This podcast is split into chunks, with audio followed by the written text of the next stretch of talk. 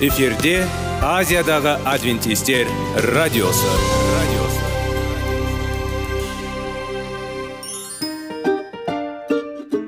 сәлем достар. Денсаулық өмір бұлағы және біздің бірінші байлығымыз демекші денсаулық сағаты рубрикасына қош келдіңіздер. Біздің рубрикада біз әртүрлі факторларменен мәліметтерменен кеңестерменен бөлісіп шын жүректен сіздердің дендеріңіз сау болғанын қалаймыз. Сол үшін біздің рубрикаға қош келдіңіздер. Дайындалып тұрыңыздар. Өйткені келесі минуттарда қызықты фактілерге ие боласыздар. Енді достар ең бірінші байлығымызды қолымызға алып алға кеттік.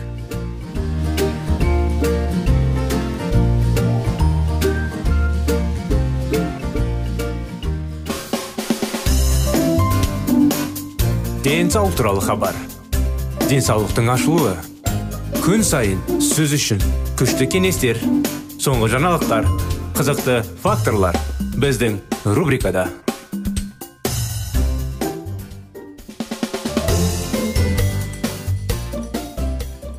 денсаулық сағат бағдарламасы сіздердің назарларыңызға құрметті достар құрметті біздің тыңдаушыларымыз армысыздар ассалаумағалейкум қытай зерттеулері тақырыбын біз ары қарай жалғастыра кетейік неліктен тамақтануда жануарлардың тамағы өте аз немесе мүлдем жоқ дамушы елдердің тұрғындары әдетте батыс елдерінің тұрғындарына қарағанда аз.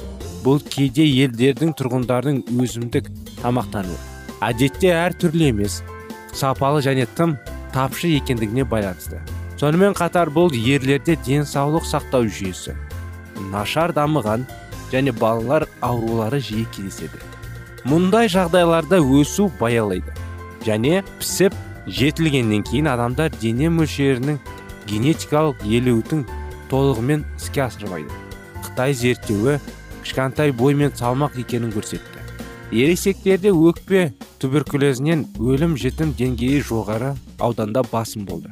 Паразитарлық аурулар пневмония өсу үшін ішек өткізіндегі және аурулар оған ас қорыту жолдары жатады. Бұл нәтижелер жоғары статистикалық фигураға ие болу ойын растайды. Май аз өсімдік тағамдардың тұтыну егер елде денсаулық сақтау жүйесі кедей деп аталатын аурулардың алдын алу үшін қажеттілікті болмаған болса бұл жағдайда бай ауруларды бір уақытта азайтуға болады. Жүрек тамыр ауруы қатерлі ісік қан диабеті және тағы басқалар. Семіздіктің алдын алуға көмектесетін майлар мен жануарлардың ақауыздары аз мөлшерде бірдей тамақтану адамдарға көптеген басқа жағымды әсерлер бере отырып өсу потенциал толығымен жүзеге асыруға мүмкіндік береді. Бұл қандағы холестерин деңгейін жақсы бақылауға мүмкіндік береді және жүрек тамыр аурулары мен қатерлі ісік ауруларының қаупін азайтады. Өсімдік тағамдарының пайдасына куә болатын осы қатынастардың барлығы және басқалары тек кездейсоқтан тұтындауы ықтималдығы қандай? Бұл жұмсақтықпен айтсақ аз шығар.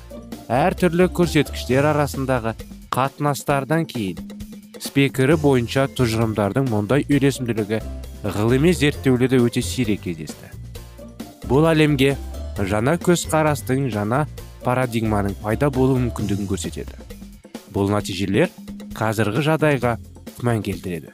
Денсаулыққа пайда әкеледі және біздің азарымызда талап етеді. Артқа қарап мансапының басында мен бауыр қатерлі ісігінің биохимиялық процестерін зерттеуге көп көңіл бөлдім. Біз тәжірибелік жануарларды пайдалана отырып жүргізетін көп жылдық зертханалық зерттеулер нақты ғылым мөлшерінде сәйкес келетін жұмыс қысқаша сипатталған қорытынды келесідей болды. Кезең және басқа жануарлардың ақауыздары. Мүмкін біз тұтынатын ең канцерогенді заттар. Реттеу саны казеин азық түлік. Біз жеделдету және бесендетуге обырының дамуына және қалай жоқ болады? Канцерогенді әсері афлатоксина өте қуатты канцерогенге аритмияға. Алайда бұл тұжырымдар негізделген болса да олар әлі де тәжірибелік жануарларға қатысты болды. Сондықтан мен адамдарда бауыр қатерлі ісігінің себептерін анықтау үшін қытай зерттеуінің нәтижелерін асыға күттім. Қытайдың ауылдық жерлерінде бауыр қатерлі ісігінің даму деңгейі өте жоғары. Бұл немен байланысты? Негізгі себеп б деңгейі өте жоғары. Бұл немен байланысты? Негізгі себеп б гепатиті вирусын. HBV созылмалы жұқтыру болып көрінді. Орташа алғанда біздің зерттеуге қатысушылардың шамамен 12-ден 13 пайызы бұл вирусты созылмалы түрде жұқтырды. Кейбір аудандарда халықтың жартысы созылмалы түрде жақтыртылады бірақ тағы бір нәрсе бар. Қытайда бауыр қатерлі ісігінің себептерінің бірі вирус болғандықтан тамақтану да маңызды рөл атқаратын сияқты. Мұны біз қайдан білеміз? Негізгі белгі қандағы холестерин деңгейі. Айтарлықтай оң нәтиже байқалды. Қандағы холестериннің жоғарылауы мен печеньенің қатерлі ісігі арасында байланыс және біз жануарлардың тамағы қандағы холестерин деңгейін жоғартылатынын білеміз. Сонымен HBV қандай рөл атқарады? Бұл сұраққа тышқандардағы тәжірибелі жауап бере көмектесті. HBV вирусы тышқандарда бауыр қатерлі ісігін тудырды. Бірақ аурудың дамуы тамақтанудағы казеиннің жоғары деңгейіне байланысты болды. Сонымен қатар тышқандар қандағы холестерин деңгейін арттырды. Бұл бақылаулар біздің адамдардың зерттеулерінің нәтижелеріне өте жақсы сәйкес келеді. HBV вирусының созылмалы жұқтырған және жануарлардың тамағын жейтін адамдарда қандағы холестерин деңгейі жоғарылайды және бауыр қатерлі жиі кездеседі.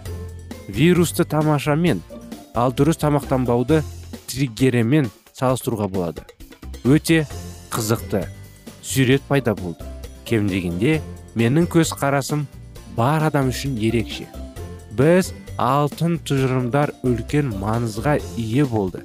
Және тамақтанумен қатерлі ісік ауруларының басқа жағдайларында қолдауға болатын маңызды принциптердің болуына әкелді бұл көпшілікке белгісіз. Бірақ көптеген адамдардың өмірін сақтап қалу мүмкін. Ақпарат болды. Сонымен бұл ақпарат біздің қатерлі ісікке қарсы ең күшті қарауымыз. Біз күн сайын жейтін тамақ деген ойды тұжырымдауға мүмкіндік берді. Сонымен біз мұны жасадық.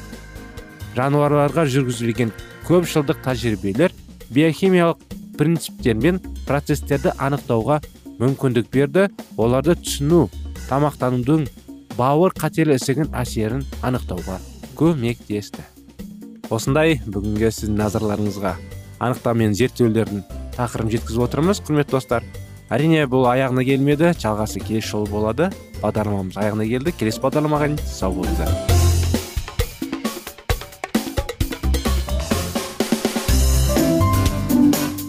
Денсаулық туралы хабар. Денсаулықтың ашылуы.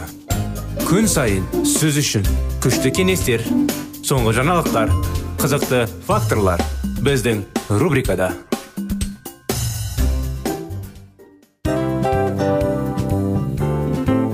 Әуелі байлық денсаулық екінші байлық он саулық үшінші байлық ақ жаулық ал енді осындай радио парақшадан кейін не дейміз? Барлықтарыңызға денсаулықтарыңыз зор болсын деп тілейміз. Денсаулықтың өзгеруі кішкентай нәрселерден басталады.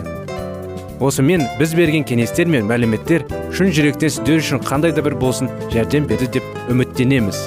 Тыңдаушыларымызбен келесі радио парақшасына дейін қоштассамыз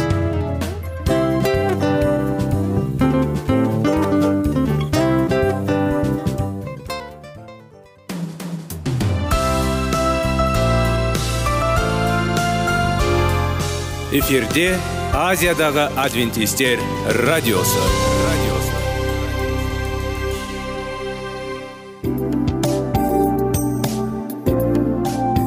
Сәлем достар. Барлықтарыңызға шын жүректен сөйлесейік рубрикасына қош келдіңіздер деп айтпақшымыз. Шын жүректен сөйлесейік бағдарламасы әртүрлі қызықты тақырыптарға арналған. Шындығында шын жүректен сөйлесейік деген сөздің мағынасы екі достың екі адамның ортасындағы шын жүрекпен сөйлесуі бір біріне сенуі ашықтық пен шындықты білдіреді. Сол үшін біздің бағдарламалар әртүрлі қызықты тақырыптарға арналған.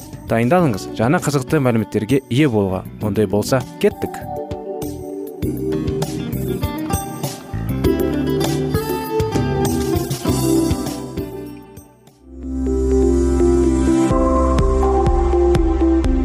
алтын сөздер. Сырласу. Қарым қатынас жайлы кеңестер мен қызықты тақырыптар.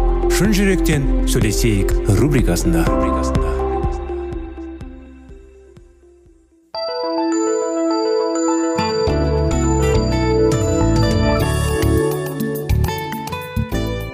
Армысыздар құрметті радио тыңдаушыларымыз құрметті достар сіздермен бірге сіздер назарларыңызға шын жүректен сөйлесейік бағдарламасы. Келіңіздер бірге 25 керемет неке оқиғаның ә, кеңестерін алып бірге ары ұмтылайық.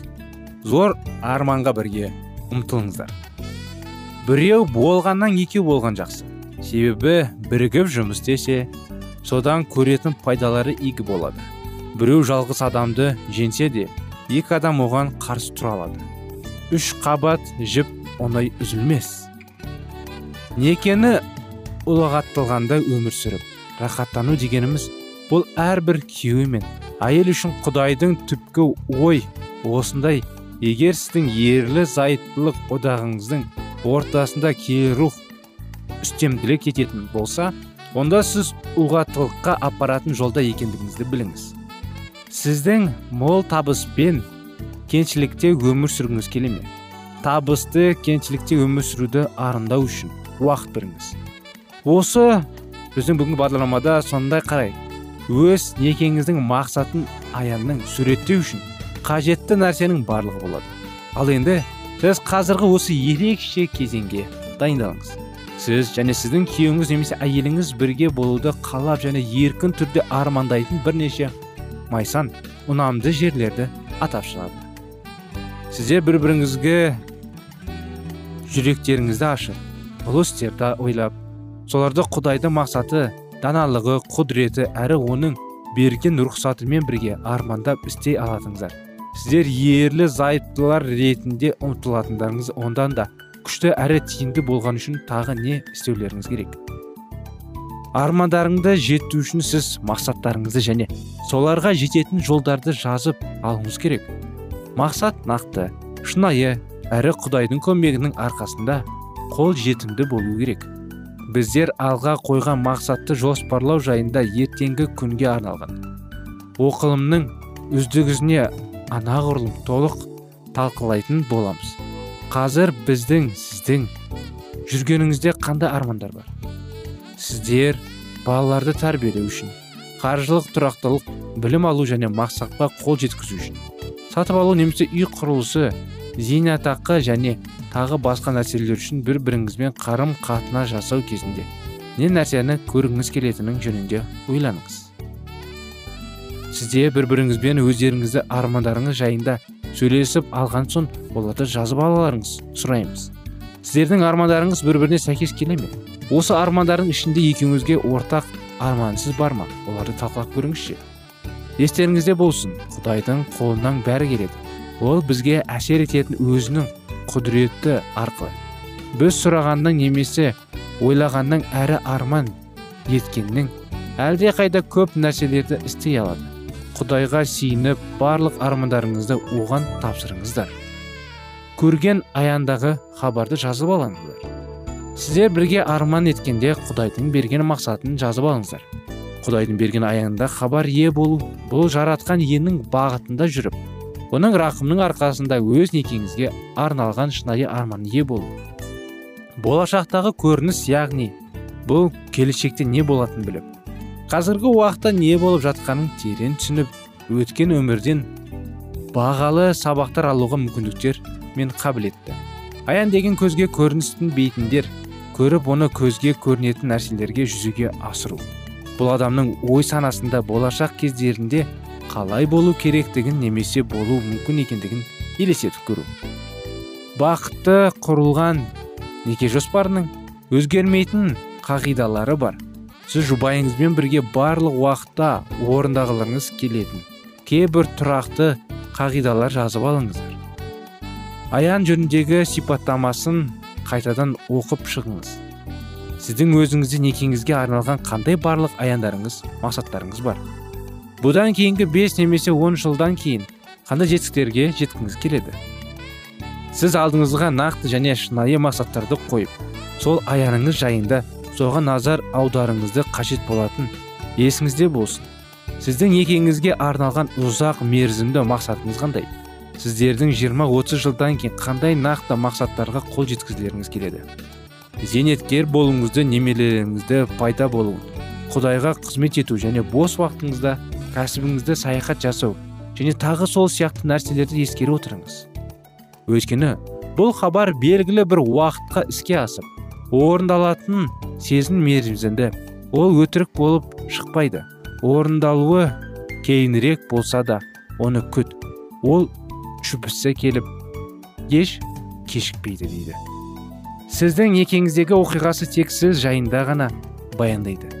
Ол ерлі зайыпты болып өмір сүрген барлық ғұмарыңыздағы сіздің араласып жүрген адамдардың өмірін де қоса алып қамтиды және келесі ұрпақтарға мұра етіп қалдырады. Некеде ерлер мен әйелдер мәсіхтің бейнесіне ұқсау үшін жүрек қалыптасуға және өзеріп өзгеріп көркеуіне болатын тамаша жағдай жасайды. Бұл әйгілі қыла отырып жаратушы еге ұлы таңқа келеді. Сенім дегеніміз бұл шындық бола аймаған. Мұратты некенің құрылысын материалы сенім дегеніміз бұл соған сәйкес құрылыс жүргізілетін сызба немесе құдайдың берген аяны. Мойынсушылық дегеніміз бұл біздің өмірімізге құдайдың ең жақсылығын барлық беру үшін бізге есік ашады.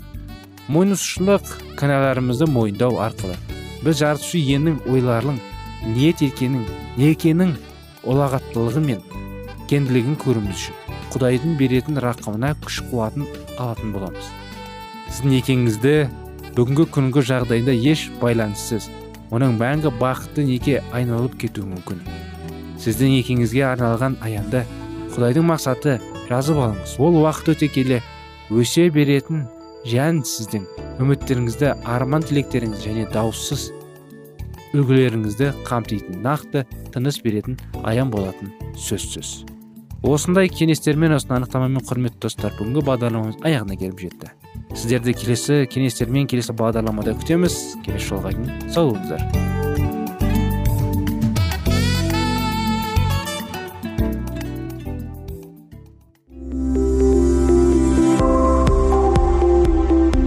Алтын сөздер. Сырласу қарым қатынас жайлы кеңестер мен қызықты тақырыптар. Шын жүректен сөйлесейік рубрикасында.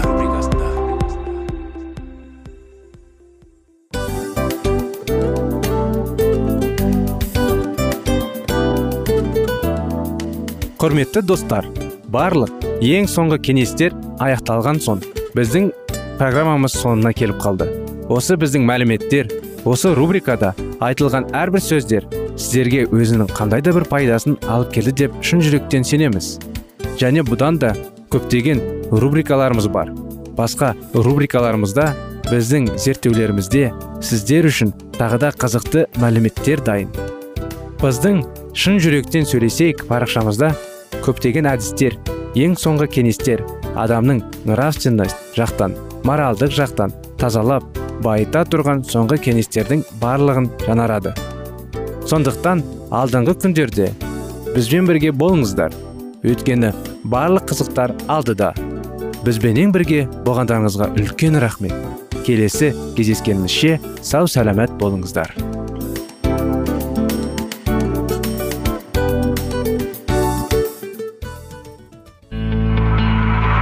Жан дүниеңді байытқан жүрегіңді жаңғыртқан өмірдің мағынасын ойландырған рухани жаңғыру рубрикасы.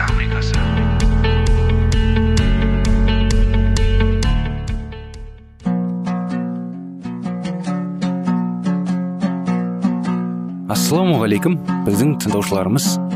Келі кітаптың шындығын ашып берген қысқа бағдарламасына қош келдіңіздер. Барлығынан жоғары жаратушы біздің қарыңғылықта жалғыз қалдырып қойған емес. Өйткені ол келешекте не болу керек екенін кітаптың парақтарында ашып береді. Немесе келіңіздер бізге қосылыңыздар.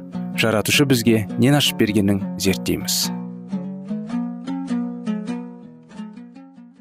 Киелі жазбаны мазақ қылуға және ақиқатты түсініктің сырып әкетуіне жол берілмеді. Біреулер өз сенімдерінің бас тартып жатса енді біреулердің сенімдері шындалатын шыға жетті. Олар киелі жазбаны қолдарына алып қай жерде қате жіберіп алғандарын айқындау үшін оны әрі қарай зерттеуге кірісті. Пайғамбарлық кезінен есептеулі кезінде ешқандай қатенің жоғына көздерін жеткізген олар қасиетхана деген сөзге келіп тірелді. Енді олар зерттеулер кезінде алғашқыда ойлағандай қасиетхананың жер екенін киелі жазбадан еш дәлел таба алмады дегенмен қасиетхананың не екеніне толық түсініктеме алды. Қасиетхана деген не? Оның ішінде қандай қызмет атқарылды? Осыған жауап табылды. Елші паул еврейлерге жолдаған өз хатында былай дейді. Жердегі қасиетхана мен құдайға қызмет етудің бірінші өсет бойынша қалауысы бар. Шатыр екі бөлімнен тұрады.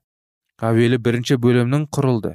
Оның ішінде жеті құбырлы майшам дастархан және ұсынылатын нан бұл бөлім киелі деп аталады. Шымылдықтың арғы жағында киелінің келесі деп аталатын екінші бөлімі бар. Оның ішінде алтын ожау алтынмен көкмекірілген өсиет сандағы оның ішінде харунның гүлденген таяғы өсиет тастары және үстінде кешірім тағына нұрын шашып тұрған періштелер мүсіні бар.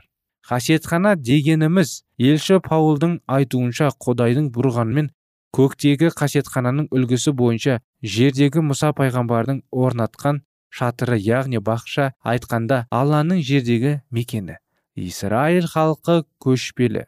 Болғандықтан бұл шатыр құруға және жинауға ыңғайлынан жасалған. Саған қарамастан бұл өте сұлу құрылыс болған. Оның қабырғасы алтынмен қапталған қақтайшыларды тұрған. Төменгі тақтары күмістен жасалған. Төбесі келімдермен жабылған. Сырты өнделген терімен қапталып іші періштелер бейнелетін толқылаған матамен жасалған. Аулада құрбан шалынатын құрылым орналған. Сөйтіп шатыр екі бөлімнен құрылған. Киелі және киелінің келесі екі бөлімнің арасы өте әдемі шымылдықпен бөлінген. Дәл осындай шымылдық дері біріске де құрылған.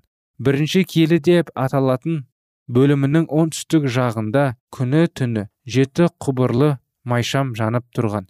Солтүстік жағында ұсыныс нандары қойылған үстел орнатылған.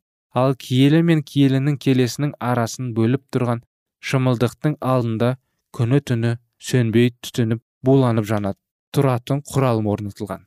Бұл құралым тәуліктің кез келген уақытында иманды адамдардың көкке көтеріле жатқанын дұғаларын бейнеледі. Киелінің келесінің ішінде өсиет сандағы болған. Ол қымбат бағалы ағаштың жасалып алтынмен көмекірілген оның ішінде құдайдың өз қолымен жазған заны екі бет таста сақталған. Өсиет сандағының жоғарғы жағында әсем етіп жасалған кешірім тағы болған. Кешірім тағының қарама қарсы жағында сандық үстіне яғни таққа бет бұрып тұрған екі періште бейнеленген. Бұл кешірім тағы сонымен қоса. Сандықтың қақпағы ретінде пайдаланылған. Осының барлығы таза алтыннан жасалған. Бұл құдайдың құдіретіне бөленген жер болатын. Еврейлер ханаан жеріне орналасқанда сүлеймен пайғамбар ол жерге өте үлкен атағы жер жарған пайғам ғибадатхана салған болатын. Бұл ғибадатхана жоғарында айтылып кеткен шындардың сызбанұсқасы бойынша салынған. Жетпісінші жылдарға дейін римдіктер келіп бұзған қасиетхана әрине даниял пайғамбардың тұсында үйінді болып жатқан уақытын санамғанда былайша суреттелді. Келі кітап бойынша бұл ғибадатхана жер бетіндегі бұрын сонды жалғыз ғана қасиетхана болған. Исаның шәкірті паул оны алғашқы яғни көне өсиеттің қасиетханасы дейді. Сонда жаңа өсиеттің қасиетханасы болмағаны ма еврейлерге жолданы хатты қайта қайта оқи келе паулдың өзіне. Сөзіне біз екінші жаңа өсиеттің қасиетхананың барын байқаймыз. Бірінші өсиеттің де жердегі қасиетханасы мен құлшылық етудің қауласы немесе тәртібі болған дейді ол. Бірінші өсиеттің де деген сөзінен алдына бұл қасиетхана жайлы сөз болғанын білеміз. Енді олар алдындағы бөлімнің басына қайта көңіл аударған көздерінде ең бастысы біздің көкте бірінші діни қызметкеріміз бар. Ол көктегі сәулетті тағына отырды және алдамның қолымен емес құдайдың қолымен тұрғызылған қасиетхананы қызмет етуде делінген. Осы арада жаңа өсиеттің қасиетханасы жайлы айтылып тұр. Бірінші көне өсиеттің көшпелі қасиетханасы мұса пайғамбар орнатқан. Ал жаңа өсиеттің қасиетханасы адамның емес құдайдың қолымен тұрғызылған. Алғашқы қасиетханада жердегі діни қызметкерлер еңбектенген. Ал көктегі қасиетханада бұл қызметті біздің алғашқы діни қызметкеріміз иса мәсіх орындауда. Бұл осы замандағы жайттының бейнесі. Құдайға ұсынылатын сый тартылу мен құрбандықтар оған сиынатын адамдардың ар ұжданың өздерінің жасаған күнәларының түпкілікті арылта алмайды. Сонымен көктегі киелі үйдің кешірмесі болған жердегі ғибадат орнын құрбандыққа шалынған малдың қаны арқылы тазартуға тиісті болды. Алайда көктегі киелі үй үшін бұдан әлде қайда құнды құрбандық жасау қажет еді. Себебі мәсіх адам қолымен жасалған ғибадатханат орнына кірмеді. Сол ғибадат орны шынайы киелі үйдің көшірмесі ғана болатын. Қайта мәсіх көктен өзіне енді. Ол қазір сонда құдайдың алдында тұрып бізді қолдап сөйледі. Атап айтқанда жердегі қасиетхана көктегі қасиетхананың көшірмесі ал көктегі қасиетхана оның түп нұсқасы болып табылады. Бәрінде мен саған көрсететін келі шығар мен шатыр мен ондағы бұйымдардың үлгісіне дәлме дәл сай етіп жасандар үстелдің бетін айналдыра төрт елі бойы ернеумен шектетіп соны да алтынмен қапта байқа барлығын саған осы тау басында көрсетілген үлгіге сай жасайтын бол. Жердегі қасиетхананың сұлулығы мен әсемделуінің ең жоғарғы сапада орындалуы құдайдың даналығының кірпіспен екенін дәлелдейді.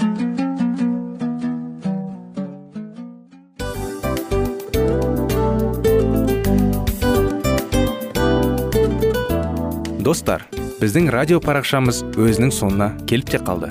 Демек бұл программамыздың қорытындысын айта кету керек. Негізі істің басталып жатқаның қуанту керек пе? Әлде оның қорытындысы қуанту керек пе? Сіздер қалай ойлайсыздар? Меніңше қорытындысы деп ойлаймын. Себебі жасаған ісінің жемісін көріп қорытынды арқылы бағалап жүрегін қуантады. Баяғыда айтқандай бидайды сепкенде емес бидайдың жемісін жинаған кейін ыстық нанды жегенде кәдімгідей рахаттанасың ғой. Осымен біздің бағдарламамыздың аяғында тыңдаушыларымыз қандай пайда алды екен деген ойдамыз. Егерде өткен сфераларда пайдалы кеңес алған болсаңыз біз өзіміздің мақсатымызға жеткеніміз. Бүгінгі 24 сағаттың алтындай жарты сағатын бізге бөліп ардағаныңыз үшін рахмет. Келесі кездескенімізше қош сау болыңыздар. Достар біздің бағдарлама бойынша сұрақтарыңыз болса әрине сіздерге керекті анықтама керек болса біздің whatsapp нөмірімізге хабарлассаңыздар болады. Плюс бір үш жүз бір жеті жүз алпыс алпыс жетпіс. Иә достар сіздер қателеспедіңіздер бұл біздің номерлерге ұқсас болмаса да бұл whatsapp номер арнайы. Хабарласыңыздар сұрақтарыңызды қойып тұрыңыздар. Анықтаманы алып тұрыңыздар. Плюс бір үш жүз бір жеті жүз алпыс алпыс жетпіс whatsapp номері